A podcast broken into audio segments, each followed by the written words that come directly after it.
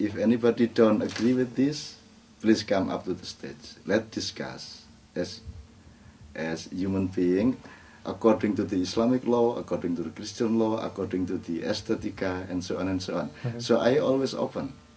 And firstly, they they feel strange, and after that, they smile, and after that, they do.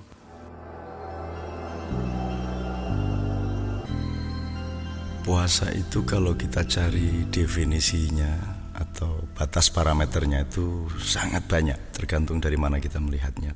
Puasa adalah Anda berhak melakukan sesuatu tapi Anda tidak melakukannya pada batas waktu tertentu. Anda berhak makan tapi Anda bersepakat sama Allah untuk tidak makan dari pagi sampai sore. Atau puasa adalah kesadaran untuk memahami segmen. Ini bisa terjadi di perusahaan. Fokus produk saya adalah X, segmen saya A. Itu puasa. Jadi sesungguhnya puasa itu pekerjaan sehari-hari. Setiap hari di segala macam pekerjaan itu kita memerlukan puasa. Bersuami istri harus berpuasa. Setiap laki-laki ingin menyetubui semua wanita maunya.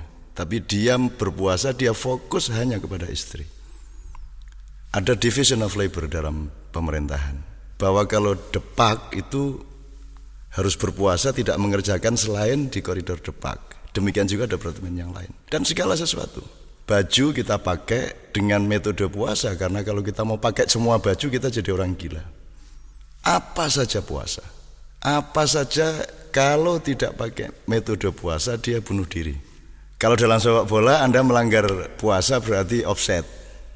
Outball, kartu kuning, kartu merah. Jadi puasa itu sebenarnya pekerjaan yang sama sekali tidak khusus pekerjaan sehari-hari dan dia adalah hakikat hidup utama manusia.